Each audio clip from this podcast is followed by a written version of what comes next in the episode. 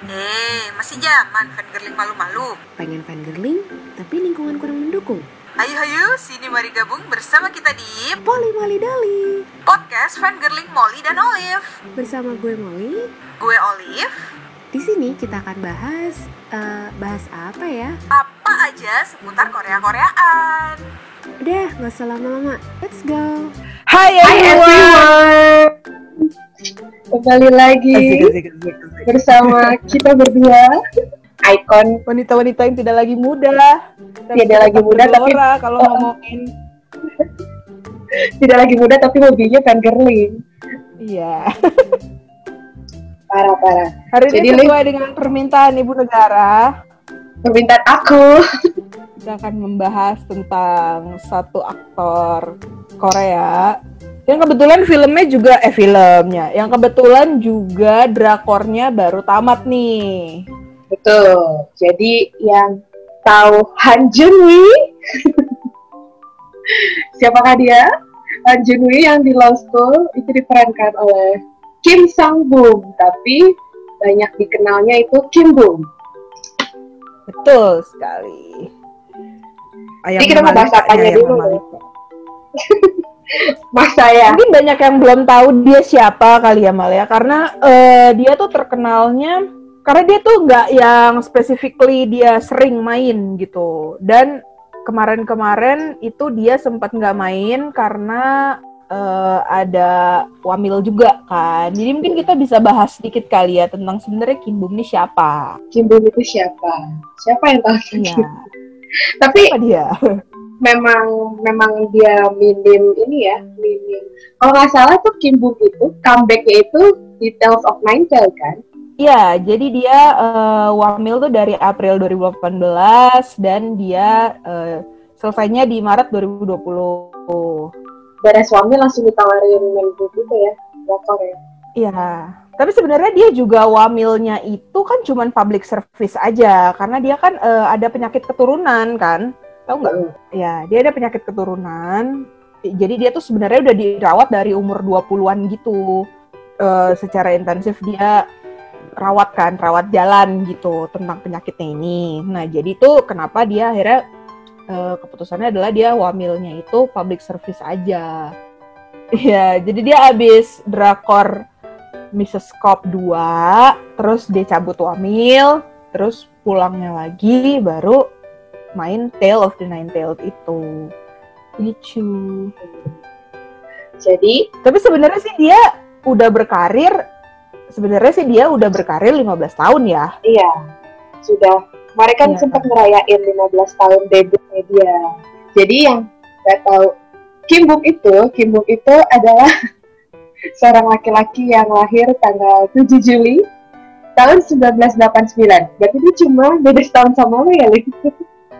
Iya, betul sekali. Bentar lagi dia ulang tahun Ya, dong. ada tujuh- ulang tahun, tahun ini dia 32 loh. Tapi tetap Cancerian, terlihat cancerian. seperti umur 20-an.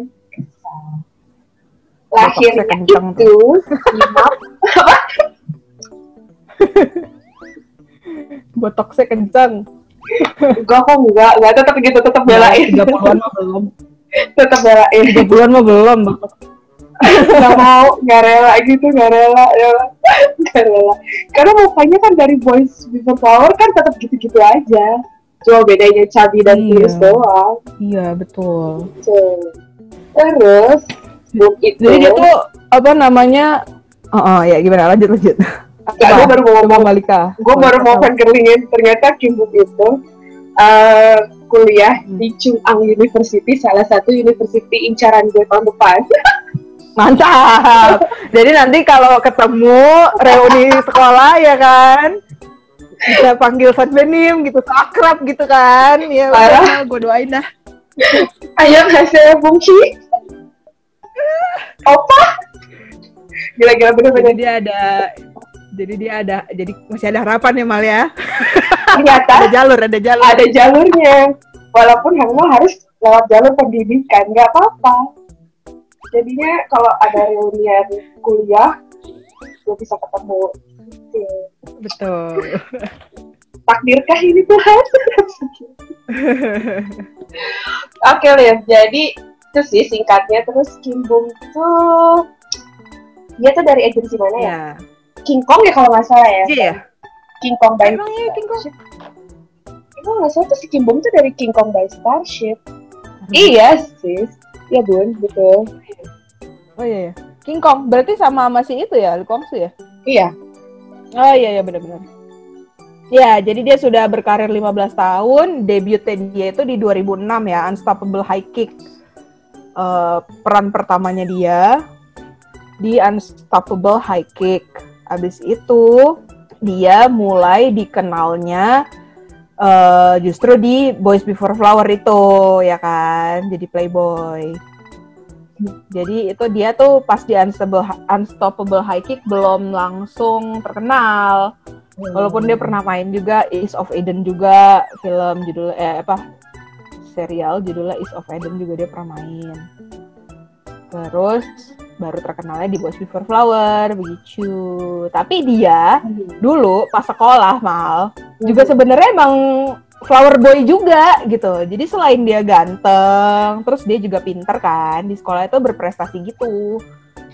Terus eh, terus jadi kayak atlet bola gitu, eh apa ikut eskul bola, terus jadi kapten bola gitu. Jadi emang kayak bibit-bibit flower boy-nya tuh dari sekolah udah ada gitu. Emang nggak ada ya? Emang material Iya. husband banget. Yoi. Jadi udah ganteng, pinter, suka olahraga, udah. Kayak kurang apa lagi gitu Coba. kan. Terus Ntar lah kalau misalnya ternyata Rurian ketemu cuma mau minta boleh ketemu Omoni sama Ajis Aboji. Mau nanya orang Langsung. langsung ya. Langsung ya. Ini nggak usah pakai dibawa ke apartemen lah saya ketemu orang tua lo oke. Dan lanjutin. Kita nah terus eh Olive tapi tuh emang bener loh. Jadi emang karena Kim tuh lagi dia tuh jarang main terus kan mungkin dia habis wamil akhirnya tuh juga diperkenalkan lagi. Dan baru ngeh itu Jong tuh setelah eh setelah setelah nonton si Nine Tail terus baru ngeh itu tuh Kim Bum ya. Soalnya gue tuh cuma ngomong sama Olive doang. Kok yang second leadnya ganteng banget ya? Ya setara sama Dongwook Iya, gitu. iya, iya. terus akhirnya Olive ngomong loh itu tuh Kim Bum yang main di Boys Before Flower emang iya gitu terus dicari Google lah iya. Tapi kayak auranya wah Beda banget, gila. Itu Boys Before Flower kan ceritanya kan dia aja masih anak SMA kan di situ. and then emangnya kayak waktu syutingnya kayak juga dia masih umur Iya, iya, emang itu masih kecil juga dianya. Dia gila juga kayak 20-an, dua eh wait. Hmm, Dua iya lah ya, 20 Boys 20 Before- tahun dia di situ. ya baru 20 tahun kan Iya, 20 tahun emang masih masih, muda, emang bener. Terus agak cabi-cabi gitu kan. Heeh. Nah, habis itu mulailah gue tuh makin kecintaan sama dia tuh yang di padam-padam itu. Yang gue bilang sama lo, yang akhirnya dia menemukan itu, yang akhirnya dia apa lu menemukan fotonya dia yang ganteng, super ganteng banget itu parah. Ya Parah. itu memang gue gue bener-bener hook up banget sama dia tuh di situ. Di situ tuh dia emang kayak kurus, jadi lean gitu loh badannya, terus six pack. Jadi emang dia olahraganya kenceng.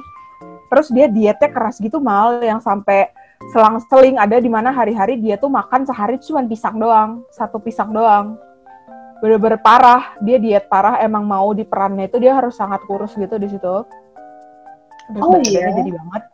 Iya, sampai dia tuh sakit, eh, kena radang sendi gitu loh. Padahal di pada- Identity itu gue juga sempat baca loh ternyata dia tuh nurunin sampai 14 kilo untuk perannya di situ. Hmm. Ya tapi di, di- kalau misalnya lo bayangin kalau lo liatin ini apa namanya semua peran-perannya dia tuh paling kurus tuh di padam-padam. Sis. Paling kurus tuh di situ. mau nanya doang. Kan saya cuma terpikat gara-gara ketemu di Pinterest Kim Bum apps tuh langsung kayak oh my god ya gue langsung dominisan lu udah nonton padam-padam belum ya udahlah itu dari tahun 2011 2011 kalau mau Udah. mau nanya itu saya masih jadi K-popers belum jadi fangirlingnya kayak drama itu tuh saya nyari padam-padam di mana susah banget nyarinya Harusnya sih ada sih bentar nih gue cari di langganan gue deh. Parah. Harusnya nggak ada. Tolong kasih linknya di mana. Gue tuh kayak ada ngubek gitu yang bahkan ya website website website website gelap itu susah banget kebanyakan video error. Ada ada ada mal ada. Di mana? Di mana? nih nih nih nih. kasih. Udah Chat jangan gue, jangan chat gue, chat gue. Jangan nangis, jangan nangis. Nih gue kasih deh. Tuh, tuh, tuh. Ada tuh. Baiklah, nonton. ntar dulu mau beresin ini dulu. Hidden Identity, baru nyobain Oh, tadi iya, iya, iya, iya, episode. iya, iya. Ya udah penting udah gue kasih ya. Nah, emang tuh kalau itu tuh bayang-bayangnya deh kalian deket-deket Sini maju kalau berani. anjir bisa bikin panas dingin tuh gak sih kalau udah fan gini begini nih Aduh, tapi emang sih, maksudnya kayak seperti yang gue pernah bilang sama lo kemarin juga malah di Hidden Identity itu Kim Bum tuh mukanya tuh beda banget. Jadi emang dia tuh punya karakter yang beda lagi kan di situ terus dia Hmm. kumisan. Di situ dia jadi polisi kan? iya jadi polisi Iya kan, jadi polisi bener. Pokoknya potongan-potongan polisi gitu. Aku bilang sama Malik Kamal di antara semua drakornya dia yang visualnya kelihatan paling bisa ada harapan untuk diraih tuh di hidden identity itu, di hidden hidden identity itu gitu. Eh ya sekarang lo ngerti kan Mal maksud gue gimana? Jadi kalau di Tale of the Nine Tail tuh kan kesannya kayak apa sih tajir ya kan ke mana-mana pakai jas rambutnya tuh selalu rapi mukanya bersih terus pakai mobilnya sport gitu ya elah itu mah kita apa kemar-mar rengginang gitu nggak mungkin bisa dapetin itu kan walaupun Nah. perannya di Nightingale juga rubah nyari rubah yang kayak gitu juga nggak mungkin ada iya nggak mungkin sih. Kalau kita yang ada di posisi itu iya. kita juga nyari yang iya setara kan? Kalau kita Terus yang kalau- di posisi itu jadi Highland babu. Kalau kayak yang di iya jadi ngayal babu gitu loh. Nah kalau di Boys Before Flower juga ya elah orang kaya yang masih anak-anak gitu kan ya. Nah tapi kalau di inilah di The Winter That Wind Blows sih yang masih oke lah ya. Dia Iya, ceritanya kan bukan jadi orang kaya di situ. Tapi setidaknya mukanya tuh masih bersih. Nggak kentara banget dia. Orang susah juga muka kayak gitu kan.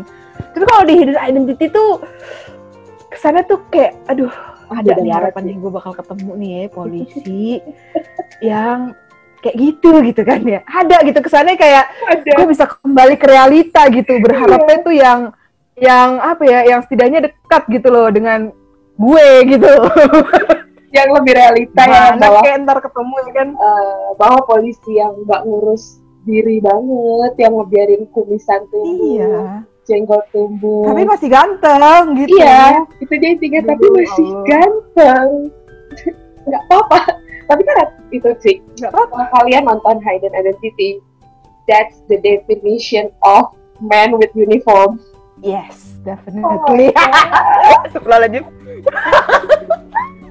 iya iya benar benar pas tadi Tapi ngeliat sih emang kalau misalnya kalau misalnya kita benar-benar mau pacaran sama Kim Bum sih kita harus jadi tipenya dia juga ya, yang mana dia kan sukanya cewek yang imut-imut, yang eh, kyo-kyo gitu, yang enggak intinya sebenarnya lebih tua dari dia sih. gitu. Iya, tapi dia senengnya kayak gitu katanya. Jadi dia pernah ada di satu acara gitu, talk show. Dia tuh pernah dibilang sebenarnya tipe cewek lu kayak apa. Terus dia bilang, gue sukanya tuh yang imut-imut, yang manja-manja gitu. Makanya no wonder kalau oh, dia ketemunya Moon Genyong yang emang orangnya kan halus-halus gitu kan. iya Jadi terus Soeun juga Yang pacaran. ya walaupun Nina tapi ya gitu kan yang menye-menye tapi aku bisa kok aku bisa kok manja-manja Nggak cocok. Nggak cocok, Walika. Elah. Kita tuh udah terbiasa strong and independent, Mal. Mau Iya, dia aja nggak tuh nggak begitu cocok, yang- Mal. lebih muda tapi independen hidup dia tuh lebih bahagia dong. Ya terbukti kan dia ngikutin tipenya dia pacaran setahun-setahun doang. Belum aja kena yang kayak kita, Mal. bener kan Iya, bener kan? eh sama Saun tuh cuma itu doang tahu cuma 10 bulan gak nyampe setahun nggak lama nggak lama Iya, bentar-bentaran doang. bahwa yang lebih tua itu tidak menjamin bisa membuat lebih nyaman Terus apa namanya? Lu, lu pernah merhatiin nggak kalau kissing scene-nya Kim Bum? eh gue mau nanya deh Iya bener. tapi kayak di karena kan sama gue baru finishin uh, Kingdom tuh baru Boys Before Flower, si Ninetale sama Lost School doang kan Oh, Oke. dua-dua dari yang Before Flower tuh udah lama banget. Nah ini tuh yang di Ninetale sama di School tuh gak ada. Ada romantis sama sekali? Gak ada romantic scene-nya kayak cuma chemistry chemistry Nah. doang. terus kayak kissing scene-nya tuh gak ada gak ada gak ada. Aduh, gak ada. School apalagi kayak kapal gagal berlabuh. Eh, gagal berlayar. Nah, kalau lu perhatiin, berarti lu harus lihat eh, drakor-drakor dia yang lain yang ada kissing scene-nya. mana aja mana aja tolong saya, saya catat yang mana aja saya catat Di The Winter That Wind Blow dia ada. The Oh, Winter That belum Blow yang sana. Enji kan? belum sampai sana Iya. Dan nanti episode dua di padam-padam padam nggak ya? Gue lupa deh. Gue lupa di Serius, padam-padam. badan udah kayak gitu nggak ada juga ada kenciumannya Mungkin ada hati yang dijaga mal. Mungkin ada ada ada dua orang doang mantannya yang ketahuan. Selebihnya kan kita nggak tahu ya. bisa jadi sih aduh siapa siapa gitu marah Tapi ya kalau gue perhatiin, jadi kan dia ini sahabatan sama Jong Il Woo dan Lee Min Ho kan. iya Dia ini sahabatan deket gitu loh. Jadi mereka bertiga, gue gak tahu sih mereka tuh temenannya bertiga atau kayak si Kim Bum sama Lee Min Ho dan si Kim Bum sama Jong Il gitu. Gue gak tahu apa mereka gengnya bertiga gitu ya. Tapi ya kalau gue perhatiin, itu orang tiga-tiganya kalau cipokan, masya Allah. dahsyat banget ya Aduh, Lee Min Ho aja kan kayak aduh, wow aduh, gitu aduh. serius dia sejenis-jenis kayak Lee Min Ho Yang dicium cewek yang di TV, yang deg-degan gue. serius Maaf ya. enggak enggak ini gue mau nanya Iya. dijawab dong bunda. Kan aku penasaran jadi itu tuh nggak nggak cium. Tapi kayak gini adegan scene ciuman di Korea itu kan kebanyakan nggak pakai lidah kan nggak French kiss kan cuma yang ya udah bibir bibir bibir doang. Nah ini emang kalau Kim Bum kenapa? Apakah bermain lidah? Lo harus lihat kalau Lee Min Ho cipokan itu pakai lidah. iya ah iya tadi kan aku nanya emang kayak juga kalau Ho cipokan pakai lidah. Iya. mulai kesal pemirsa. Iya, mal, iya. baiklah. Baiklah. Baiklah. di mana di mana aja coba tolong selain di winter. The Winter the Wind Blow ada, terus di ada dari Titi ada nggak? Kayaknya dia ada. Tadi gue sempat temu di Pinterest gitu nih kayak ada something gitu sih conversation Nah, lo harus lo harus explore sendiri mal. Seperti biasa, gue tidak mau merusak hak asasi manusia lo sebagai seorang fan girling. Lo harus menemukan sendiri, kaget sendiri, deg-degan sendiri, senang sendiri. Gitu loh. kayak soalnya kan gue udah nonton Nine Tails Nine Tails aja kan juga Uh-uh. dia cintanya sama siapa cuma Blakey kan sama anjingnya nggak ada Iya. terus betul. di Law School itu di perannya dia nanti kalau lo udah nonton lah ya itu cuma kasih chemistry chemistry doang gitu nggak ada nggak ada deh Law School tuh nggak ada kisah-kisah cintanya sama sekali gitu loh betul-betul lo kayak belajar hukum terus Hmm. eh, pas endingnya semua orang tuh juga berharapnya akan ada eh, sesuatu yang kapal ini akan berlayar ternyata enggak jadi gue kayak oh dua Hmm, drama sayang ini ya. ada cinta sama sekali nggak ada romantic scene yang makanya pas lo bilang itu sesuatu tentang kissing kissing ini nyari yang mana aja nih bentar Nanti silakan lo coba. jadi cari yang rekomend apa aja nih Liv? karena kan emang gue kan baru tiga sedangkan kan dia udah lumayan banyak kan main uh, drakornya Oke. Hmm, Kim Bum itu, pokoknya Mrs. Cobb, eh, enggak, enggak, enggak. Mulainya itu dari The Winter That Wind Blow dulu sih sebenarnya. Harusnya. Karena kalau lu udah makin lihat yang keren-keren, lu nggak akan nonton The Winter That Wind Blow lagi. Karena emang Tapi gue gue tetap winter gue tetap maksa lu mau nonton The Winter That Wind Blow pokoknya. Sama kayak gue maksa lu nonton My Mister. Karena The Winter That Wind Blow gue nangis juga tuh sedih tau. Tapi emang sebenarnya gini sih ceritanya tuh bagus. Bagus kok tapi bagus. Soalnya makanya kenapa gue lanjut udah mau masuk episode 3 aja. Padahal padahal baru dua hari yang lalu lo rekomen kan? Iya. Selain memang karena sebenarnya tujuan goal utamanya adalah untuk melihat Kingdom doang tapi emang ceritanya bagus gitu. Terus lo tau gini deh kalian ya kalau yang sempet nonton kayak Starway to Heaven, Full House, Winter Sonata ini yang gue perhatiin ya si teknik pengambilan gambarnya si Winter itu terus ukuran layar ukuran layar pada saat tayang terus warna warna gambarnya itu tuh sama banget kayak drakor-drakor zaman dulu gitu lu tuh nggak sih? drakor-drakor zaman dulu Iya iya. maksudnya kayak yang masih pengambilan gambarnya eh, kualitas kameranya maksudnya Eh, kayak kualitas kameranya, terus ukuran gambar, eh, ukuran layarnya. Kalau sekarang kan, kalau yang nggak ngerti banget nih ya, eh, ukuran eh, ukuran apa namanya ukuran tayangan video. Kalau lihat yang sekarang sekarang kan kalau TV lo atas bawah itu atas bawahnya hitam kan. oh iya Nah, kalau yang kayak winter tuh udah full, dia masih full full TV gitu loh, bisa semuanya Iya. penuh gitu. Kayak jadi kayak masih zaman zamannya kayak masih full house, kayak winter sonata, terus kayak Starway to Heaven, masih masih yang kayak gitu gitu. Gitu. Hmm. Terus karena mungkin pengaruh kamera juga kali ya, jadi kayak kelihatan gitu loh titik-titik eh, kamera-kamera ya masih zaman dulu banget. Padahal itu tahun 2013 ya. iya sih Apa dia mau nyiptain kayak gitu? nggak ngerti juga deh gue kalau soal sinema sinematografinya sama ini ininya gue nggak paham juga sih. Mungkin waktu itu sempet gue cari tahu sih tapi gue pasti udah lupa. Karena gue emang bener dulu tuh ini banget sama dramanya mal dulu. Eh, oke balik ke topiknya rekomendasi. intinya tuh itu sih kalau winter kalau kalian juga pengen nonton gitu. Jadi jangan berekspektasi gambarnya akan sejernih kayak sekarang gitu karena dia kayaknya pengen eh nggak tahu ya antara sinematografernya atau memang keinginan dari sutradaranya itu ya si teknik pengambilannya terus warna warna filmnya eh bukan film sih warna seriesnya tuh masih yang kayak zaman dulu juga ceritanya udah episode kedua aja tuh udah ya udah ya udah nonton aja ya udah nonton aja ya ya. Coba kalian jangan Kalau ekspektasi boom akan terlihat Iya. maco wow yang gimana gimana gitu. Karena gue juga kebalik gue merasakan hal yang dirasakan oleh Olive waktu ngeliat Dongwook di Ninetale lalu dia mundur nonton Stranger from Hell. Karena gue waktu itu seneng banget. Kenapa? Karena gue nontonnya saat itu. Emang pas dia baru tamat terus gue nonton emang.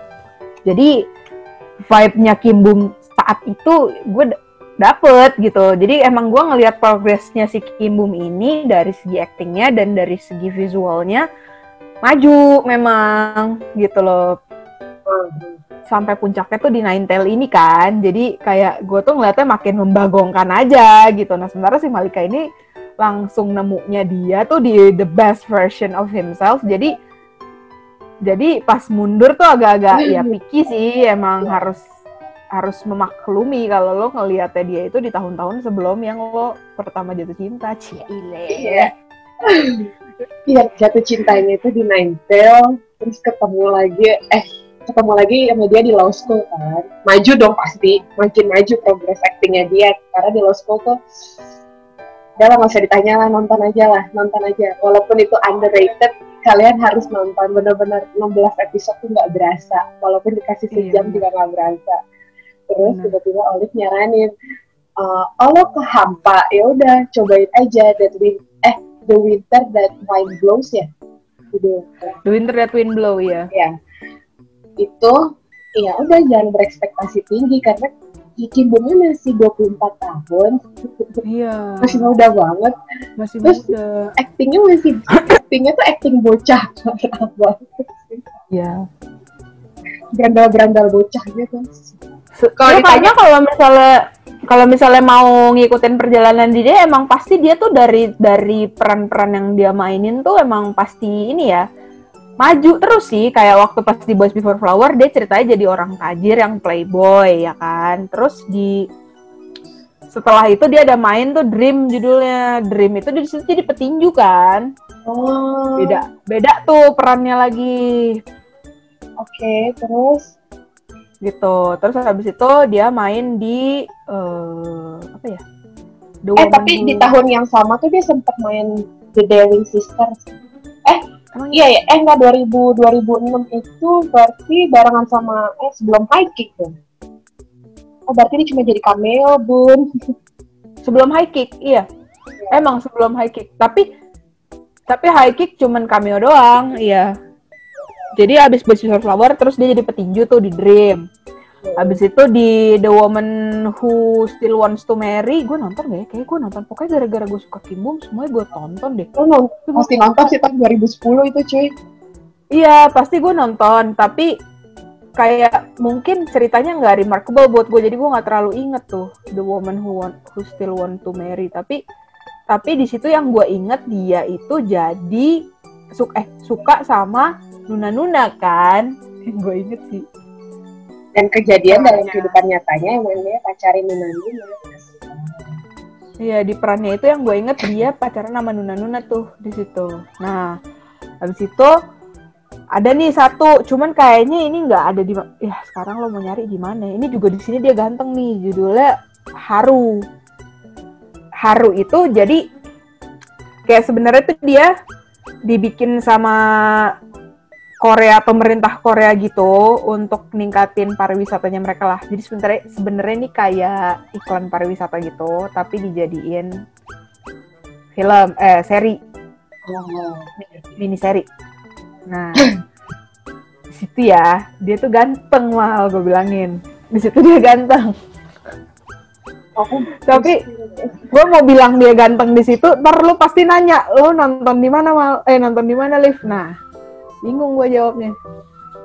Di situ dia kalau nggak salah jadi fotografer deh. Nah di situ dia udah mulai kurus tuh, walaupun masih cabi-cabi juga tuh di situ. Dah, abis itu masuk ke padam-padam, set dia jadi kurus banget kan, yang tadi gue bilang dia diet ketat apa segala macem. Terus rambutnya gondrong dong, diikat dong, gimana? Iya. gitu. Iya, lu tau gak sih kayak ya bener kayak kata temen gue juga kenapa laki-laki yang ber-abs itu kalau lagi gondrong rambutnya diikat tuh so hot. Karena di padam-padam itu mal, dia tuh mukanya bener-bener tirus shaping shaping dagunya mal. Kan lu tau kan Kim Bum tuh kan tembem ya. Maksudnya di awal-awal tuh dia tembem-tembem gitu. Terus di sini karena dia diet ketat banget, dia tuh sampai nggak ada pipi lagi. Maksudnya nggak ada cabinya lagi sama Iya, sekali. iya. Gue liat Pinterest kayak paling beda gitu. Tapi jangan kaget nanti nonton kok tembem parah dan gue nggak tahu ya dia lagi building badannya atau enggak. Tapi tuh udah pakai bajunya berlapis-lapis di Lost School jadi kayak gede banget gitu loh. Iya iya, gue sih ngeliatnya apa mungkin karena dia pengen kelihatan jadi kayak anak mahasiswa banget ya. Jadi Iya. maksudnya maksudnya kayak me apa ya mensukseskan karakternya dia sebagai seorang mahasiswa gitu jadi dia pengen dibikinnya agak tembem lagi biar kelihatan kayak muda zaman dia dulu lagi Kayaknya. Soalnya emang tapi emang kelihatan lebih muda sih jadinya di di situ parah. Terus kalau rambutnya di nine tail kan kayak masih dirapihin banget walaupun kayak gondrong-gondrong gitu tapi masih rapi gitu kan. iya iya iya Ini tuh kayak udah digondrongin terus poninya di, di kedepanin semua udah maba banget tapi om kayak kalian bayangkan dia tahun ini udah mau 32 tapi masih cocok menjadi mahasiswa baru. emang sih mukanya dia juga kayak baby face gitu sih ya. Oh iya, jadi tua-tua. ya tadinya gue pikir kan botox tapi terus gue inget lagi. Namanya orang Korea. Mereka tuh skincare-nya juga bagus-bagus gitu loh. Dan di sana tuh cewek maupun cowok tuh sama-sama sadar perawatan kulit gitu Iya. loh jadi jadi walaupun mereka laki pun nggak kayak di sini kan yang gengsi-gengsi gitu kan alah masuk pakai skincare kayak perempuan gitu padahal di sana tuh emang mereka udah concern banget sama kesehatan kulit jadi pasti skincare-nya juga bagus terus mereka punya kayak vitamin suplemen yang obat-obat tradisionalnya juga kan bagus-bagus kan. Iya. Buat kulit, buat apa sih perangsang kolagen gitu-gitu. Jadi ya menurut gue sih umur segitu wajar sih dia masih mukanya ditambah dia baby face dan kalau dia perawatan ya wajar sih mukanya dia masih semuda itu. sih karena nggak paham sama ini katanya emang orang tuanya tuh bagus sih waktu membuat adonan emang enak kan jadi Iya. gini Iya betul, betul Iya. sekali. Dia ngadonnya pakai resep tradisional turun temurun. lagi tolong ntar Omoni Aboji boleh nggak? Nggak lamaran aja langsung lah nggak usah pakai pacaran-pacaran. Ikhlas asik. Dia anak paling tua kan ya? Sebenarnya dia berapa bersaudara sih? dua eh dua apa tiga ya? Jadi sempat mencari. Tapi kayak nggak peduli gitu dengan keluarga gue nggak bukan nggak peduli tapi kayak gue sempat membaca dua apa tiga gitu dia emang anak pertama. Iya dia anak pertama yang gue tahu.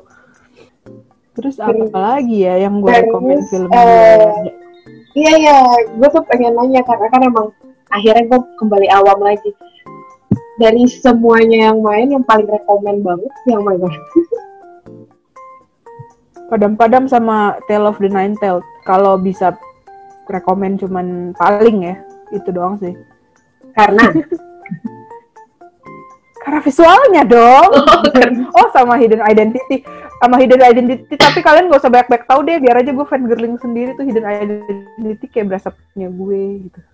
para Eden Identity tuh baru tadi menuntaskan episode satu karena penasaran gue kita nyari parah sih beda banget beda banget beda banget dan kalian kayak keren sih kalau Kan, buat gue tuh dia bisa berperan jadi apa aja akhirnya walaupun memang kebanyakan jadi jatuhnya tuh kayak bad guy hmm, Iya, tapi nggak apa-apa. Nggak apa-apa kayak gitu. apa sih nggak apa-apa Oh sama yang kalau film kalau film itu sih ada kan dia ada main film juga ya. Ada. Film aduh tapi tapi gue nggak suka potongan rambutnya di sini. Yang Film? itu loh yang dia jadi pelukis eh eh, ini ini judulnya. Eh, Gifted Hands. Nggak tahu deh sekarang nontonnya di mana ya. The udah lama. Hands ya oh, 2013 Gifted Hands. Haru tuh ternyata Iya, film juga ya bukan itu series ya Serial lah. Enggak, tapi dia masuknya golongan movie. Iya. Coba lu cari di itu deh mal yang tadi gua kasih itu. Link yang tadi gua kasih buat nonton padam-padam. Di situ tuh lumayan lengkap sih nonton. Mungkin cari-cari yang udah susah bisa cari di situ. Coba dulu ikhtiar ya, Bun. Baiklah. Gue akan tetap ini. Kalau kalau nggak ada nanti bisa dicari lagi di tempat yang lain. Tapi harusnya di situ lumayan lengkap ya. Kalau The Gifted Hand, surprisingly, gue tuh malah tahu dari nyokap gue tuh. Serius? Olive ya Olive nonton itu si Kim Bum punya film tuh ceritanya dia jadi orang yang bisa Bentar, bentar. Nyokap lo aja sampai tahu lo bukan sama Kibo. nyokap gue suka banget Kim Bum dulu ya. Asian dari mulai dari Boys Before Flower dia kan nonton juga Boys Before Flower bareng gue tuh jadi bisa dibilang gue pertama kali suka Korea tuh barengan sama nyokap gue juga Wow. nontonnya bareng Sih, dia suka banget tuh Kim Bum itu jadi tidak perlu malu karena seusia mama-mama kita aja masih suka nonton drakor pertama dan kedua suka juga sama Kibo. Nggak salah lo. Yoi. Terus tadi tuh gue mau bahas apa? Oh ya, gue tadi tuh sempet ngomong sama lo panjang lebar. Mau panjang lebar, cuma tiba-tiba sinyal terputus. Katanya Kim Bum itu tuh kayak humble gitu loh sama para fansnya. Bahkan dia tuh pernah datang ke pernikahan fansnya tahun 2017 lalu. Iya, dia dia ini siapa namanya orang yang menghargai fansnya lah gitu. Dia cukup sadar kalau dia punya prestasi itu eh, ketenarannya dia itu ya nggak nggak lepas dari dukungan fansnya juga. Tapi sih kalau dia sih katanya mengakui malah dirinya itu orang yang belak-belakan sebenarnya kalau berteman atau bergaul gitu. Orangnya kayak yang nggak bisa bermulut manis gitu loh. Kalau mau suka suka, nggak suka nggak suka gitu loh orangnya tuh padahal. Bagus dong, jadi apa adanya. Iya. Kenapa dia nggak datang ke pernikahan gue? Pernikahan gue tuh juga 2017. Belum ngefans. Mohon maaf. Mohon maaf ya. Di antara jutaan jutaan dan miliaran penduduk di dunia ini, kenapa dia harus jauh-jauh datang ke Bandung ke hutan itu sana? Menerjal perjalanan yang berat untuk menghadiri pernikahan Anda. Anda juga belum suka sama dia zaman itu. ya nggak apa-apa kan. Tapi emang ya belum ngefans, belum ngefans. Jadi 17 belum tahu. gitu, terus tadi itu sempat nyari info juga. Ternyata, eh Kim tuh bisa main itu gitar ya? Belum pernah dinyanyiin sih gue sama dia. Cia.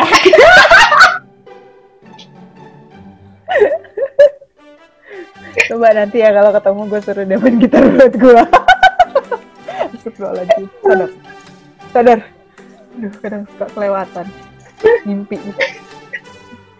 Ya sih bener. Jadi tadi tuh gue baca pas dia main di The Woman Who Still Wants to Marry. Itu katanya Pak Jin Tae adalah Bumi adalah sikap menjadi adalah Bumi adalah seseorang yang memiliki pikiran yang luas. Ada hal-hal yang tidak saya pikirkan ketika berusia 22 tahun. Pola pikirnya sangat mendalam. Bahkan saat saya seusianya saya hanya melakukan apa yang disuruh, tetapi Kibun tahu apa yang dia lakukan dan opini yang diucapkannya. Terus dia bahkan memuji Kibun karena membawa gitar sendiri untuk berlalu Itu bisa main gitar. Oh, iya iya iya, make sense ya. Bisa juga sih dia. Terus tadi alasan dia di padam-padam kenapa sampai harus nurunin 11 kilo karena pas di interview dia tuh sempat ngomong karena peran saya sebagai Likungsu Likungsu banyak menampilkan bagian atas tubuh saya ini gini Iya.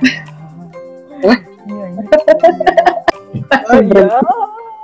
Oh, beneran banyak menampilkan tubuh bagian atas Oh, dari episode 1 mal, buset deh.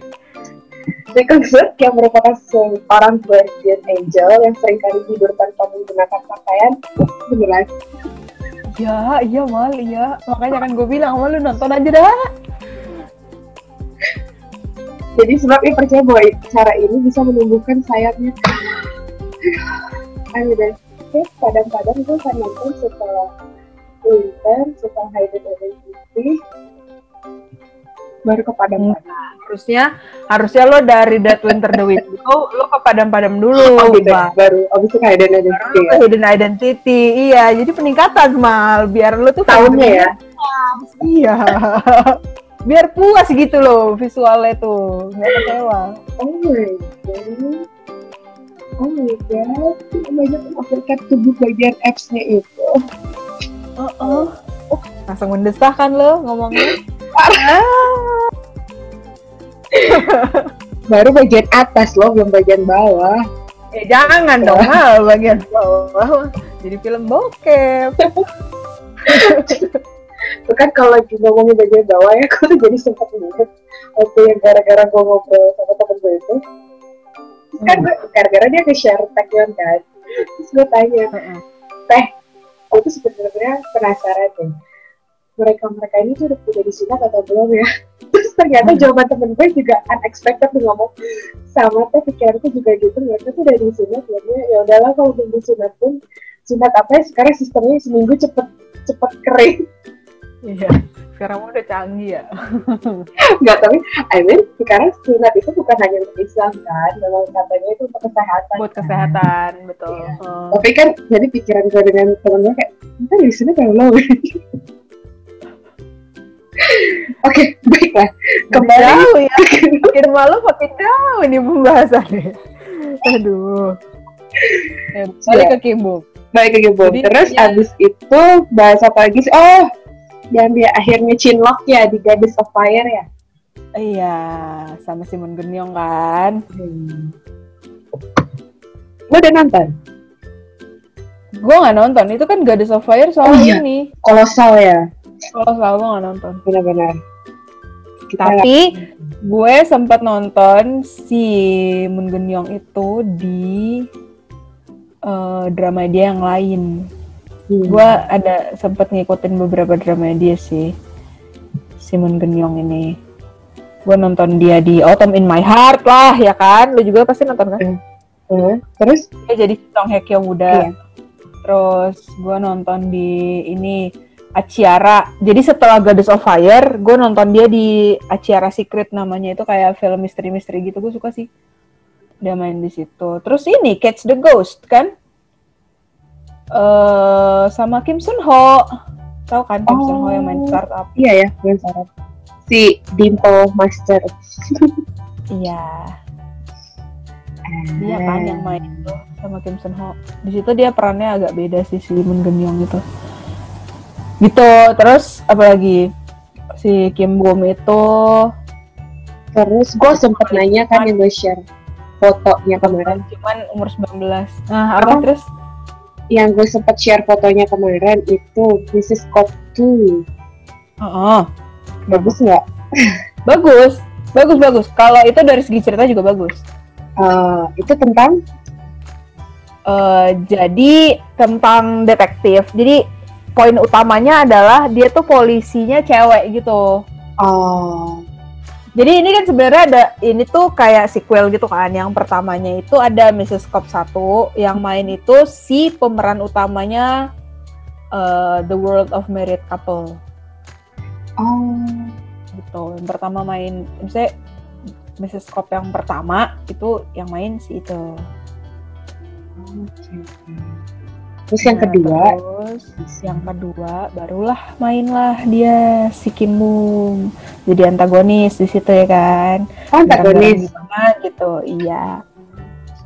Tapi katanya dia gitu ya, jadi CEO ya. CEO. Iya, orang kaya balik lagi emang sebenarnya mukanya dia cocoknya jadi orang kaya sih Orang kaya bener. Gak cocok jadi orang miskin. iya yang benar-benar pakai jas gitu kan kalau di di apa namanya Mrs. Scott tuh ceritanya dia jadi CEO ya begitulah tampilannya tapi tetap ganteng Tetap pertama ganteng kali di situ ganteng. ganteng tapi ceritanya juga bagus Oke. gitu terus abis itu Winter Dead Twin Blow terus Hidden Identity baru Mrs. Scott baru Tale of the Nine Tale of the Nine Tails Hmm. Udah, bisa Law School. Law School gue belum nonton nih. Malika malah udah tamat. Tuh gue Udah, duluan. Gue duluan. Gara-gara kimbungnya. Tapi bukan kimbungnya doang sih sebenarnya. Law School, nah Law School tuh bagus. Cuma emang bener sih kata lo mungkin dia underrated karena eh, nontonnya tuh nggak bisa yang sekali jalan gitu loh seperti nggak sih yang ngikutin alur aja gitu loh nontonnya karena kalau Iya. satu kali ngedik terus lo nggak eh, lo tiba-tiba miss gitu lo tuh bakal bingung dia lagi ngomongin pasal apa undang-undang Iya, apa benar. gitu. Terus eh, ini tuh dia lagi ngebahas tentang hukum perdata atau pidana gitu kan. Terus ya emang bener-bener kayak kita tuh mahasiswa hukum banget yang lagi diajarin lewat serial drama. Akhir gue juga kayak tapi lagi ngomongin hukum yang mana sih? Dan kayak gitu sedangkan tuh kasusnya tuh gak hanya satu kasus yang dibahas di law school itu tuh kayak ada sekitar tiga kasus gitu loh yang dibahas bahkan ada selingan-selingan kasus untuk ya si pemain-pemain ini tuh merah. belajar gitu Hmm. oh my god makanya kayak Gue nonton, gue sudah sempet nonton mal. Gue udah sempet nonton episode pertamanya sih mal. Cuman gue pas awal-awal kan mereka ceritanya lagi latihan tuh. Terus Iya. habis itu nggak lama ada kasus beneran. Gue langsung yang ya anjir. Gue baru juga kelar nonton ini kan, Mouse kan. oh, berat ya. Dikasih ginian lagi ya kan? Gue aduh. Oh enggak malah. Sebelum mouse gue udah sempet maksain diri nonton Dark Hole yang gue bilang sama lo yang Oh. zombie zombie itu anjir terus gue nonton ini lagi kayak tahan tahan sobat tahan. Gue cari selingan dulu yang lucu-lucu nih kan? Biar otak gue lemes sedikit nih. Tapi kalaupun lo explore misal Instagram gitu kan yang spoiler tuh dikit banget. Kebanyakan tuh spoilernya tentang chemistry-nya si Bum dengan ini kan si Ryu kan Ryu yang jadi Iya. juara di Replay Iya. lebih ke sananya sih yang dibahas sama netizen netizen bukan inti ceritanya karena mereka juga kalau mau spoiler inti ceritanya kumaha itu bingung kan bingung motongnya di mana kan Iya. Iya. Bingung karena nggak bisa nge- nge-spill juga gitu. Lu mau motong itu, iya bingung sih. Bingung kayak sama aja kayak mouse kan juga nggak banyak. Ini kan nggak banyak spoiler-spoiler. Gue cuma spoiler mouse itu katanya di endingnya, di endingnya tuh ada papan nama tulisan mati gitu. Ya udah, ntar aja, ntar aja. Sabar, udah Iya, dua iya, iya. tapi lu nggak tahu yang mati itu siapa kan nggak tahu. lu udah sampai mana sih mal mouse Episode 12 12 udah kena juga tuh plot twist ketemu plot twist tuh ya kan sih, sumpah. Pokoknya tuh plot, plot twist yang makin membingungkan itu setelah si Barem selesai dioperasi. iya terus tiba-tiba dia berubah kan eh, karakternya kan Anjir, siapa dia? Cuman kalau boom sih gitu, kalau saran gue pokoknya kalian tuh nontonnya sesuai urutan tahunnya aja. Jadi dari segi visual dan dari segi kualitas actingnya dia eh, ada peningkatan. Jadi kalian tuh fan girlingnya puas. Kalau kayak maju mundur maju mundur gitu, kalian tuh bakal kayak udah ketemu the best version of dia. Terus mundur ke belakang tuh agak hmm, apa ya bisa dibilang kurang puas sih jadinya. Ya dia kelihatannya masih muda di sini. Sementara kalian tuh pasti akan expect-nya dia tuh bakal lebih ganteng lebih maco lebih apa ya lebih dewasa gitu kan. Apalagi buat yang cewek-cewek yang udah 20-an ya 30-an gitu. Umurnya mau fangirlingin gitu. Dia tuh baby face sih ya soalnya. Ada. Iya bener, karena gue kenanya gitu, gue nonton kena itu sama Losko yang udah dia berkembang banget. Gue suruh nonton Winter tuh ya ini Boom dengan rambut merahnya itu. Iya.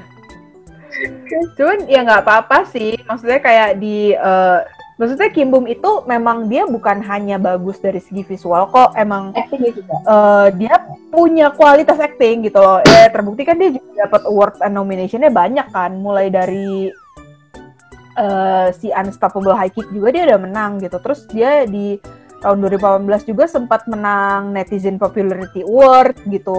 Emang dia banyak digemari juga dari segi actingnya. Terus yang gue bilang The Winter Dead Wind Blow itu dia juga dinominasikan eh, as a Excellence Award gitu actor in miniseries. Di Mrs. Scott gue juga dia dinominasi Excellent Award juga. Eh, tapi di acting, makanya gue bilang, oh dia kayak bisa acting aja ya. Walaupun memang kebanyakan jadi guy ya, cuma masuk aja mas, eh, peran yang dia bawain tuh kayak wow gitu bisa masuk gitu loh. Jadi ya udah nggak usah banyak berekspektasi dia nya kayak tapi standar yang mau nonton gini-gini enggak kok enggak. Gitu. gue dari main nya di kelas school aja itu udah beda banget. Gue sih berharap ya I'm so looking forward to see his, his next project sih. Eh gue kalau misalnya boleh request nih ya gue pengen dia tuh acting orang cacat. Apa kek ikan? Autis kek? Atau cacat fisik kek gitu. Gue pengen dia kayak punya satu konsistensi karakter yang dia harus konsisten dalam satu cerita itu gitu. Dari satu kesatuan cerita itu mau dia seri kayak atau film gue mau dia main yang kayak gitu. Yang perannya kuat gitu loh kayak di kalau lo nonton It's Okay Not to Be Okay Iya. yang si kakaknya Kim Soo Hyun itu kan dia aslinya dia normal banget kan normal tapi tapi Iya. bisa jadi autis jadi autis gitu itu itu kuat dan gue langsung kayak anjir gue tuh selalu salut banget sama orang-orang yang bisa kayak gitu karena dia pasti akan riset gila-gilaan konsultasi sama psikolog gitu-gitu kan kayak Iya. gue seneng banget sih kalau orang yang mau um, put his big effort gitu loh untuk untuk perannya dia atau dia jadi psikopat yang psikopat gitu kayak di mouse gitu yang yang Iya. dapat psikopat psikopat gitu mudah-mudahan sih ke depannya dia bakal lebih berani ya betul berharapnya ya tapi nggak tahu sih dia belum ada upcoming lagi akan Belum ya, emang belum karena kan emang masih vibe-vibe-nya si law school kan. banget gitu. Belum belum ada. cuma kan kayak waktu dia syuting Ninetale eh dia lagi promosi Ninetale bahkan dia juga udah ngasih ini kan udah ngasih Iya. gambaran law school soon gitu Iya iya iya. di di IG-nya udah mulai kayak posting-posting kan. Iya. Mungkin istirahat dulu kali ya. Dia udah dari mulai abis wamil terus eh, langsung syuting Nine Tail terus langsung syuting Law School kayak capek kali ya. Istirahat dulu Mungkin. nikmatin duitnya kali ya. Makanya kemarin kan di postingan Instagramnya makan daging yang banyak. Iya iya iya bener. Iyalah capek kali. bisa. Ya makanya mungkin itu kembali tembam lagi. Iya iya bener. Berarti cocok sebenarnya. Saya kan juga tipikalnya pipi tembam. Mal, laki lo kagak ada tembem-tembem ya Mal. Kagak ada, makanya. Mungkin ini salah satu takdir. Ayo. Maafkan hamba. Aduh, makin malam halunya makin parah. Di Wattpad gue itu gara-gara habis cerita juga. Kan kayak sama temen gue kan kayak bikin dua kubu kan. Karena peran yang gue bikin namanya Hana. Terus kayak bikin, yaudah dong bikin Hanji dong jadian. Ah, Hana Junki sama Hambum aja, Hana Kimum. Bentar dulu, gue gue aja tuh kayak untuk mencapai cerita romantisnya itu masih panjang banget. Terus cerita temen gue, yang gue sempet tadi ceritain kalau gue share teh buset deh ini yang namanya maco luar dalam gitu kan terus dia ngomong saha eta kibu mahal beda pisan kita gitu kan iya kan parah nemuin lagi sisi dia yang lainnya gitu karena gue juga selalu nge-share Kibum tuh selalu eh, yang gitu yang manis-manis yang ganteng-ganteng sekali yang ngeliat Iya yang iya. peran dia di Hayden tuh kayak ini siapa nyaru banget sih pintar makeup artisnya Keren ya. Maksudnya ya stylistnya juga niat gitu loh bikin scriptwriternya sih sebenarnya yang lebih ini ya kayak kasih gambaran perannya dia tuh mesti yang kayak apa gitu kan? Scriptwriter kan ya? Iya. Scriptwriter. Eh terus divisualisasikan sama penata. Sebenarnya kalau ngasih peran itu tuh sebenarnya tugas si sutradara Liv. jadi si, scriptwriter ngejabarin dia butuh karakter gini gini gini gini. Sutradaranya yang pinter milihnya oh jadi castingnya itu sutradara ya? Jadi awalnya sutradaranya tuh bilang jadi sutradara tuh biasa kalau bikin series atau film ya jadi kan si scriptwriter tuh udah nulis tuh terus dia butuh karakter ini ini ini ini terus habis itu akan berunding sama si sutradara. Nah sutradara itu nanti akan berunding sama casting director. Hmm. peran yang ini ini tuh cocoknya kan nih siapa ya gitu. Nah casting director tuh biasa ngasih pilihan ini ini ini ini gitu kan. Oh ya udah pasti ntar sutradara milih ya udah aku cobain yang ini di casting ini di casting ini di casting ini di casting. Nah nanti pas setelah di casting menurut casting director eh, yang ini nih menurut gue bagus gini-gini pas dilihat hasil kan biasanya ada hasil video castingannya tuh. Sutradara baru final decisionnya tuh di sutradara. Sutradaranya baru yang pintar ada rumor ada rumor yang bilang dia ini ya oplas hidung ya. Katanya. Tapi nggak tahu sih. Iya. ya ya nggak tahu. Tapi tetap tetap maunya dia tetap flawless itu dari dulu sampai sekarang ya nggak apa-apa sih kalau operasi hidung doang. Paling- tapi kayak bukan ngemancungin deh kayak emang merapikan. Ngerapiin karena hidungnya dia sempet gede gitu kan. Nah tapi maksudnya kalau di Korea mah nggak masalah. Maksudnya em, apa namanya oplas tuh sangat legal dan nggak ada masalah sama sekali. Ya. Cuman yang yang jadi masalah adalah ketika lo oplas tapi lo nggak ngaku oplas gitu. Kalau lo oplas dan ditanya satu saat ditanya dan lo jawab iya gue oplas eh nggak apa-apa. Akan baik baik aja banget. Tapi kalau lo ditanya oplas nggak lo bilang nggak oplas ya itu baru masalah. Iya. tapi itu apa-apa.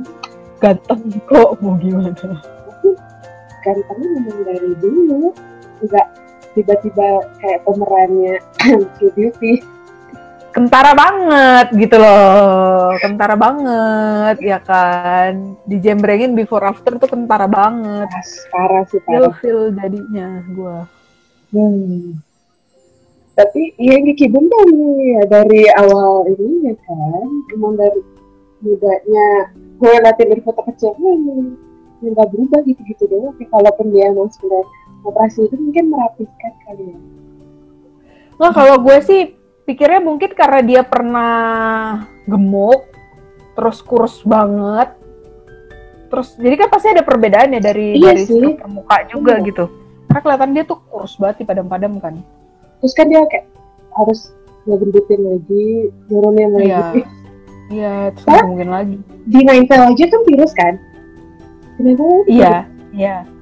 Walaupun Hmm. apps-nya udah hilang Iya, dia ada buka apps, gue lupa deh. Di, Ada. di situ dia ada buka apps ya? yang pas nunjukin luka itu luka Oh, iya, itu iya, yang iya, bikin iya, Iya, iya, iya, iya. iya.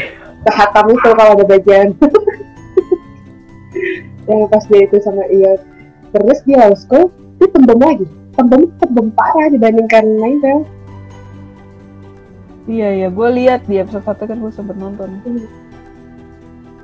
jadinya kayak mungkin bukan operasi tapi emang perbedaan dia dari gitu gendut kurus gendut kurus gendut kurus Iya, perbedaan berat ya. Ya. keren juga badannya bisa elastis gitu Dia tuh ketat dia. Maksudnya dia disiplin sama dietnya dia, konsisten banget berarti kan orangnya. Hmm. eh eh, kan tapi gue nggak belum nyari sampai seblusukan itu sih mungkin mungkin nanti nanti lagi. Kan dia eh, di Instagramnya itu gunain bahasa Inggris dan bahasa Korea kan. Nah sebagai guru bahasa Inggris itu emang dia beneran lancar bahasa Inggris atau memang itu translatean atau terjemahan orang lain? Gak tahu di mana tuh, gue belum lihat tuh. Di banyak banyak. Di Instagram Instagramnya Bentar, gue lihat dulu. Ada satu postingan baru. Iya kan? Dia tuh kadang suka mengcombine Hangul sama English. Oh iya. Apa itu contohnya mana yang kamu lihat dulu? Aduh, gue jelek lagi. Truth and justice only by law. Nah itu mah emang tagline-nya si Laswell. Uh, aku lagi bawa-bawa waktu dia yang debutnya juga. Debut. yang debutnya yang dia pegang dulu sama yang fotonya baik dan viral. Oh. Ampun, gila gue malah jadi scrolling-scrolling ginian malam-malam.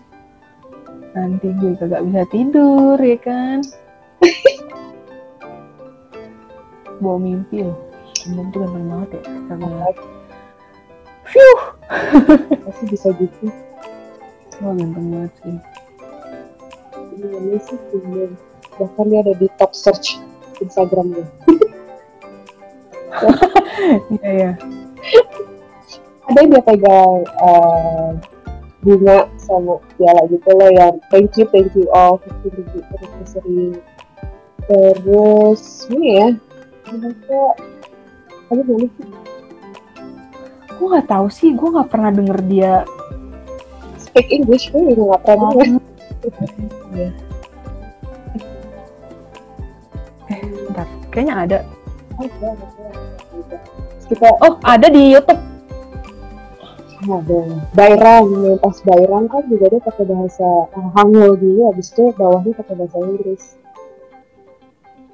6 November 2020 Kalau kalau sepanjang itu hanya tulisan sih nggak bisa kita kategoriin dia bisa bahasa Inggris ya. Kalau gue sih maunya dia ngo maunya lihat dia ngomong sih. Ada sih tadi di YouTube. Bagus kok bahasa Inggrisnya. Iya kan? Bagus. Bagus banget bahasa Inggrisnya. Bagus banget. Fluent kok fluent ya untuk orang Korea sih fluent ya. Bisa, emang ada beberapa yang keluar sih. Berarti kan emang emang dia pintar kan? Iya iya iya. Dia juga kursus sebenarnya terus mungkin kayak Min yang gitu kan emang belajar juga untuk bahasa apa, bahasa Inggris. Tapi sih memang mungkin orang-orang Korea udah menyadari betapa pentingnya mereka untuk ngomong bahasa Inggris karena kalau tujuannya mereka untuk go further, eh, go further ya pasti inilah ya, eh, ya apa harusnya tahu kalau bahasa Inggris tuh penting banget kayak eh, Lee Byung Hun dia bisa sampai di Hollywood ke sana mana tuh kan ya karena dia juga bahasa Inggrisnya bagus gitu kan. Hmm. Ya, kalau emang dia goalsnya pengen ke Hollywood ya harusnya sih dia eh, belajar bahasa Inggris. Tapi Kim Bum eh, fluent in English kok. Dan kelihatan emang dia bisa dari cara ngomongnya dia tuh halus banget, rapi. Pronunciation-nya bagus. Iya, maksudnya beda kan kayak orang Korea sama orang Jepang kan kalau ngomong bahasa Inggris tuh kayak kalau kita kan karena nggak punya aksen kan jadi nggak kelihatan ya kalau mereka karena punya aksen tuh kalau ngomong tuh jadi "Ih, dia baru atau dia fluent Iya, iya. kalau fluent kan kayak Taekyon kan ngomongnya tapi nggak usah ngomong Taekyon sih karena kan emang dia tinggal di Amerika kan. Iya, dia mah emang anak Amrik. Gitu. ya apa kalau misalnya nanti tiba-tiba bahasa Korea gue masih masih bego gitu kan gue nggak bisa ngomong bahasa Inggris sama dia tidak ada Iya. Iya, setidaknya masih nggak rooming lah. Setidaknya nggak Iya. rooming. gue romi gue akan ngomong Hayomi Jung Ji ya. Udah 10 tahun, 11 tahun, mau 12 tahun ke Korea ya. Tetep aja gue gak bisa ngomong Korea loh. Tetep aja gue gak bisa. Bisanya ya sepatah-sepatah doang. karena emang ya susah sih karena kan nggak bahasa Korea ya dia aja ada 169 grammar Oh iya. 169 grammar bahasa Inggris aja kan cuma 22 grammar ya dia punya 169 grammar Oh my god. Mohon maaf Oh, lahir batin dah. kalau kayak bahasa Indonesia kan ada ngomong sampai itu cuma ngomong sampai gitu kan nah di Korea itu ngomong sampai itu tergantung dari situasinya itu formal atau informal terus eh, itu nanti kata benda atau kata kerja atau kata sifat.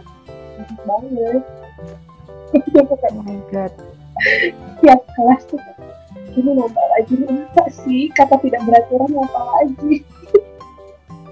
Gila. Nah, memang Hangul itu lebih gampang dibaca dibandingkan Jepang tapi Jepang itu lebih sedikit grammarnya jadi lebih cepat dikuasain gitu loh dibandingkan Korea Tapi kan kalau kayak Jepang tuh ada feminin maskulin gitu kan? iya iya sama kayak Prancis kayak Thailand Iya, kayak Jerman.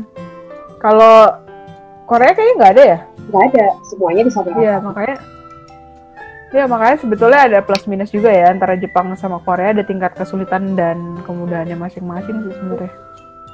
jadi kayak eh, kan lu sering dengar pasti di Korea juga jadi eh, dia di Korea drama nah, ada yang ngomong arasok arachi ara Ara. Tagu.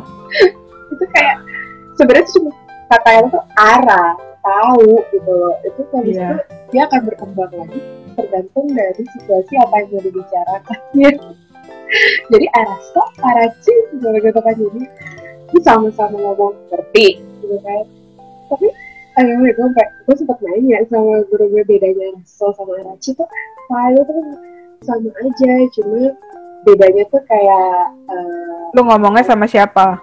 kalau Araso tuh lebih kayak nekenin iya iya gue ngerti gue ngerti gitu loh kayak eh, ngerti nggak gitu kan nah, kalau Arachi tuh kayak lebih yang nekenin lagi gitu kayak "Oh, lu ngerti nggak sih sebenarnya gitu Iya, kayak lo ngerti kan gitu ya. ya kayak gitu doang ah raso raso kayak gitu. Ah raso tapi lu banyak untuk dijawab dibandingkan nanya. Eh, dan Korea itu kalau nanya itu nadanya dia ke atas. Kalau dia Hmm. tidak bertanya itu nadanya datar. Makanya kenapa Oh. orang Korea itu pasti kalau nanya tuh ekspresif. Ah, untuk kayak so em- emphasize ya, emphasize iya. dia tuh sebenarnya mau ngomong apa gitu ya. iya kayak makanya kan kalau lo sering denger di kayak drama kayak cinca gitu kan kayak cinca Hmm. gitu ya gitu kan kenapa dia kayak gitu karena ya dia lagi nanya sungguh kayak gitu Iya, iya, iya. jadi Yang bener lu. oh jadi naik gitu loh nadanya kayak oh ya ya makanya mereka bisa ngebedain orang Korea tuh lo lagi nanya atau lagi jawab Hmm. oh baik ya. I see, I see. Tahu deh, gue ngambil nggak ya? Pengen sih, gue juga lagi kayak nyari-nyari gue mau ngapain gitu sebulan ini. ambil aja lah biar gak ada temen ngobrolnya lagi. Nambah-nambahin pikiran gue aja loh.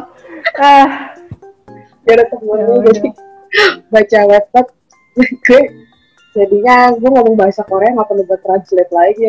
Capek juga translate loh. Iya, jadi kan kalau nanti lo udah bisa bahasa Korea, kalau misalnya gue kasih link yang nggak ada subtitle kan enak ya. gue translatein ya Heeh, terus nonton-nonton YouTube-YouTube-nya orang Korea tuh kan banyak yang belum ada subtitle itu. itu Yang loh kayak berkah haha dari YouTube. belajar bahasa Korea coy Iya sih, bener. jadi tuh BTS BTS atau apa yang mereka ketawa-ketawa yang biasa kita kayak Iya, iya, iya, itu. sih gitu itu tuh sekarang kadang tuh sekarang bisa ketawa gitu loh sendiri walaupun yang masih masih budek-budek dikit gitu. Cuma kayak oh dia tuh ngomongin ini. Berkah. Ternyata ada gunanya juga. Kalau dulu gue tuh ikut les ya tujuan tuh buat bukan buat ikut beasiswa. Tujuan les itu sebenarnya gue pengen kalau suatu saat gue ke Korea lagi gue tuh gak budek-budek amat ngebaca Hangul. Gue tuh bisa tahu itu Hmm. Hangul bacanya apa terus eh, biar kayak warga lokal aja kayak warlock gitu loh ngerti gak beraba-raba Biar lebih mandiri juga ya di sana kan Iya. bisa. walaupun gue jalan-jalan Ya. Gitu, walaupun gue jalan-jalan karena kan emang orang Korea itu pun sendiri walaupun bisa bahasa Inggris tuh tapi males gunain gitu kan Hmm. Itu punya tujuan awal gue aja pas ngeliat hmm, kayaknya kalau beasiswa ini menarik juga kita harus menggempur Gak apa-apa kalau gue favorit lah. Ngapain ya kan? Kalau ada kesempatannya. Ambillah. Ya gak? kejarlah. Kejarlah mimpimu. Ada satu negara dengan mas-masmu. Tuh. Biar lebih semangat ya kan? Ngejar beasiswanya Ada Semoga motivasi. Siapa ada tahu. motivasi satu saat ketemu di jalan. Bisa jadi. Atau kalau masuk Chung uh, Chung-A University ada reunian akbar kan ada boom bener gue akan foto terus gue kirim list ngiri-ngiriin gue nih ya kan? Gue akan titip pesan tenang gue akan titip pesan. Nanti pas gue ulang tahun lo itu kayak video ala-ala gitu. Hayalnya jauh banget anjir anjir. Ah, ya kan siapa tahu ya. Siap yang Kalau itu lagi malaikat. wah. Kan kalau malaikat lagi lewat diaminin kan. Iya Tenang jalan. nih kan? Tiba-tiba mungkin ketemu Junki entah di mana ketemu Sojun entah di mana. Iya amin aja dulu ya kan? Ngomongin Sojun itu tuh ini ya apa namanya eh keterima di Marvel jadi calon warga MCU yoi eh, rame tuh beritanya main di Captain Marvel 2 iya dia main sama Brie Larson dia punya bahasa Inggris masih jelek kan ya mudah-mudahan dia belajar sih ya. Iya. Yang gue tau bahasa Inggris dia masih jelek deh. Masih masih masih. Masih kok dari iya dari bahkan gue aja tuh sempet nyari ya bahasa Inggris kayak Junki tuh masih lebih better dibandingkan Sojun masih bahasa Inggris siapa? Junki eh, Jungi lebih better dibandingkan Sojun oh iya dong kan dia udah main di film luar pasti dia udah duluan lah belajar. Main duluan sama Tante Mila Resident Evil. Iya di Resident Evil kan. Baiklah kita sudahi saja dulu fangirling malam ini. Iya kenapa sih kita langsung jadi jadi ngantor mana Lantur ke mana-mana seperti biasa, namanya juga fangirling. Harap maklum adanya.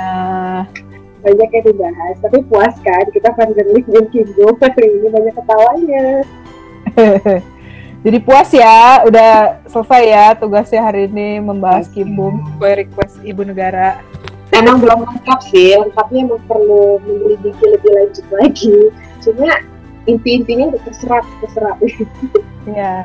Atau mungkin bisa juga bantu eh kalau di podcast bisa komen gak sih? bisa Oh ya, tolong di komen dong. Siapa tahu ada yang denger ini fansnya Kibum juga. Terus mungkin ada informasi yang kelewat yang kita belum sampein. Mungkin bisa juga karena kita belum riset lebih jauh, kita belum tahu. Terus kalian bisa berbagi sama kita nih, ya kan? betul betul pokoknya Begitu. share juga aja atau komen apa pun itu requestan kalian kalian mau kita fangirlingin siapa terus kita harus kolab dengan siapa. Eh by the way gue tuh mau ngajak kan temen gue yang ini yang suka banget sama Taekyon dia tuh hatam banget seperti pernah Taekyon guys Oh, berarti dia eh, bisa diajak ngobrol K-pop. oh bisa karena memang ini juga sebenarnya sama udahlah sama. Kayak kayak lebih kayak ke gue sih abnormal. Halunya abnormal Oh, gitu. kalau lu kan normal kalau gue sama dia udah abnormal udah kayak abnormal. Every day kita tuh udah udah bukan ngomongin anak ngomongin laki ngomonginnya ya udah kalian kita bilang aja. Jadi kalau yang mau nanti kita bikin episode 4 bersama salah satu host Indonesia. Oh, oh, kan lu juga host kan? Ya, once. once. I used to. Tapi mungkin akan jadi hotus lagi karena sebentar lagi akan kembali kan mereka beredar. Iya iya. Lu kemarin nonton itu MGMT-nya nonton bos. Buset deh. Panas. Hot. Bener-bener hot ya kan? Panas membara ya. Berarti kayaknya bisa tetap lu berdua akan nyambung. Gue akan jadi moderatornya aja karena baik gue pernah menjadi K-popers, gue pernah membahas, pernah mencintai CPM tapi nggak se segila itu sih dari sekarang dia. Kalau kalian membahas Miyusu dari Infinite mungkin gue akan segila itu tapi belum ada lagi Infinite entah ke mana mereka. Ya. Kalau dulu gue tuh suka tuh AM duluan yang pertama yang bener-bener sampai gue tontonin YouTube-nya. Terus habis itu ketemu tuh PM juga karena mereka kan ya sebetulnya kan kayak dibikinnya bareng gitu kan. Jadi ketemulah si 2PM juga nontonin juga eh, apa namanya dia punya YouTube YouTube gitu. Tapi kalau dimulai dari eh, sukanya duluan itu tuh AM sih gue. Terus tapi lagu-lagunya 2PM zaman itu juga enak-enak sih jadi gue juga menikmati walaupun gue nggak gila-gilaan gitu tapi gue suka juga dia itu eh, apa up-nya itu gara-gara oh di Indonesia ya itu gara-gara hands up Iya, hands up. Terus habis itu setelah itu ada Go Crazy. ya Terus terus apa lagi? I'll Ya, be itu. back I'll be back Can you feel my heartbeat? ya ya, I'll be back juga, I'll be back juga. jadi emang banyak nah ini nanti akan kita bahas di episode selanjutnya jadi kita akan kolak nggak berdua lagi bertiga cuma tetap ikonnya kita Iya, iya, iya, iya. iya. Bintang tamu ya, gestar, gestar. besarnya karena kayaknya dia juga lebih paham sebagai host kalau saya mundur dari itu bukan host dia akan berbincang banyak dengan Olivia Goldini kayaknya Iya, iya. gitu deh strolling down memory lane lah kalau ngomongin Oh, K-pop zaman dulu. Betul. Ya oke, baik. Jadi kalian yang sudah mendengarkan podcast episode 3 ini, Kamsahamnida. Kamsahamnida. Jangan Semoga lupa. nanti semoga nanti kalian eh, seneng ya sama apa yang kita bahas, cara pembawaan kita dan mau dengerin episode-episode selanjutnya. Karena kita membiarkan podcast ini mengalir apa adanya karena kita beneran kayak ngobrol bukannya Iya. yang diatur skrip karena kita tidak punya skrip ngobrol aja Iya. Iya bener kita nggak ada skrip. Berdasarkan pengetahuan umum aja ya kan. Betul. Pengetahuan sosial. pengetahuan mengenai Korean drama dan Korea Korea Korea Korea lainnya Iya. Berdasarkan pengalaman. pengalaman apa bu? Pengalaman fan gering lah bu. Oh, keren yang lain.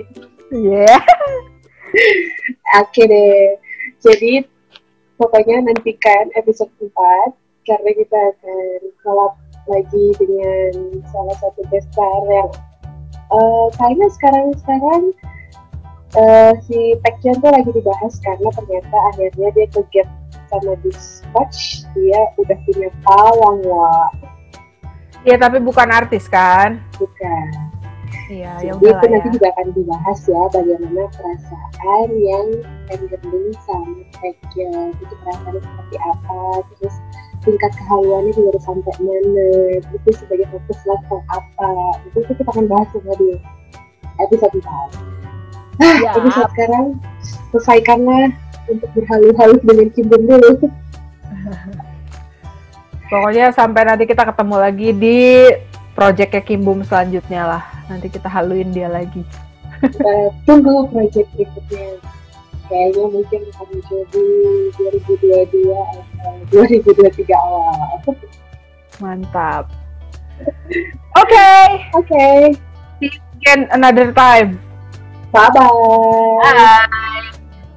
Selanjutnya di Polimoli Doli. Ya, kalau jasmani itu kan ya bisa di mana aja ya pemenuhan kebutuhannya. Bentar dulu. Itu mah lain urusan malah. Kampret. ya, ya, gue nggak tahu ya, nggak tahu juga. Eh, Apa? tengah malam, tengah malam. Ini Obrolan loh, tengah malam. Yang Cuma poinnya bilang, adalah ketika mereka serius punya pacar itu jadi masalah gitu. Nggak nggak kampret gitu loh ya. Gimana? Udah cukup nutrisi fangirlingnya? Dengerin ya episode-episode selanjutnya di Polimoli Doli. Setiap hari Rabu dan Jumat, Jam 6 sore. see you!